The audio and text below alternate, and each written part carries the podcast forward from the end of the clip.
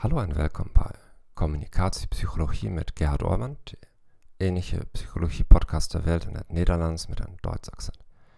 Laten we eens kijken naar de volgende situatie. Man en vrouw zitten in de auto. Ze is aan het rijden. Hij zegt, het stoplicht staat op groen. Volgens de Duitse professor Friedemann Schulz von Thun van de Universiteit van Hamburg heeft elke boodschap vier kannen pure informatie. Het stoplicht staat inderdaad op groen. Een openbaring over de persoon die aan het woord is. Ik heb haast. Een oproep tot actie. Begin alsjeblieft met rijden. Informatie over de relatie tussen de twee personen. Ik vertrouw uw rijvaardigheid niet.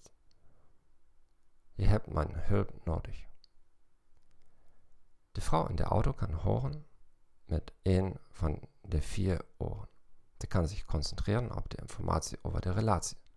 In dit geval kan ze boos, teleurgesteld of verdrietig worden. Of ze kan zich concentreren op de objectieve informatie. Bedankt dat je me eraan erinnert. Het is inderdaad groen. Vaak ontstaan er missverstanden wanneer de persoon die spreekt de aandacht op een andere kant legt dan de focus van de persoon die luistert en vice versa. En de meesten van ons hebben de neiging om voornamelijk met een van de vier oren te horen. Bedankt voor het luisteren naar deze podcast. Ik wens je een fijne dag en tot ziens.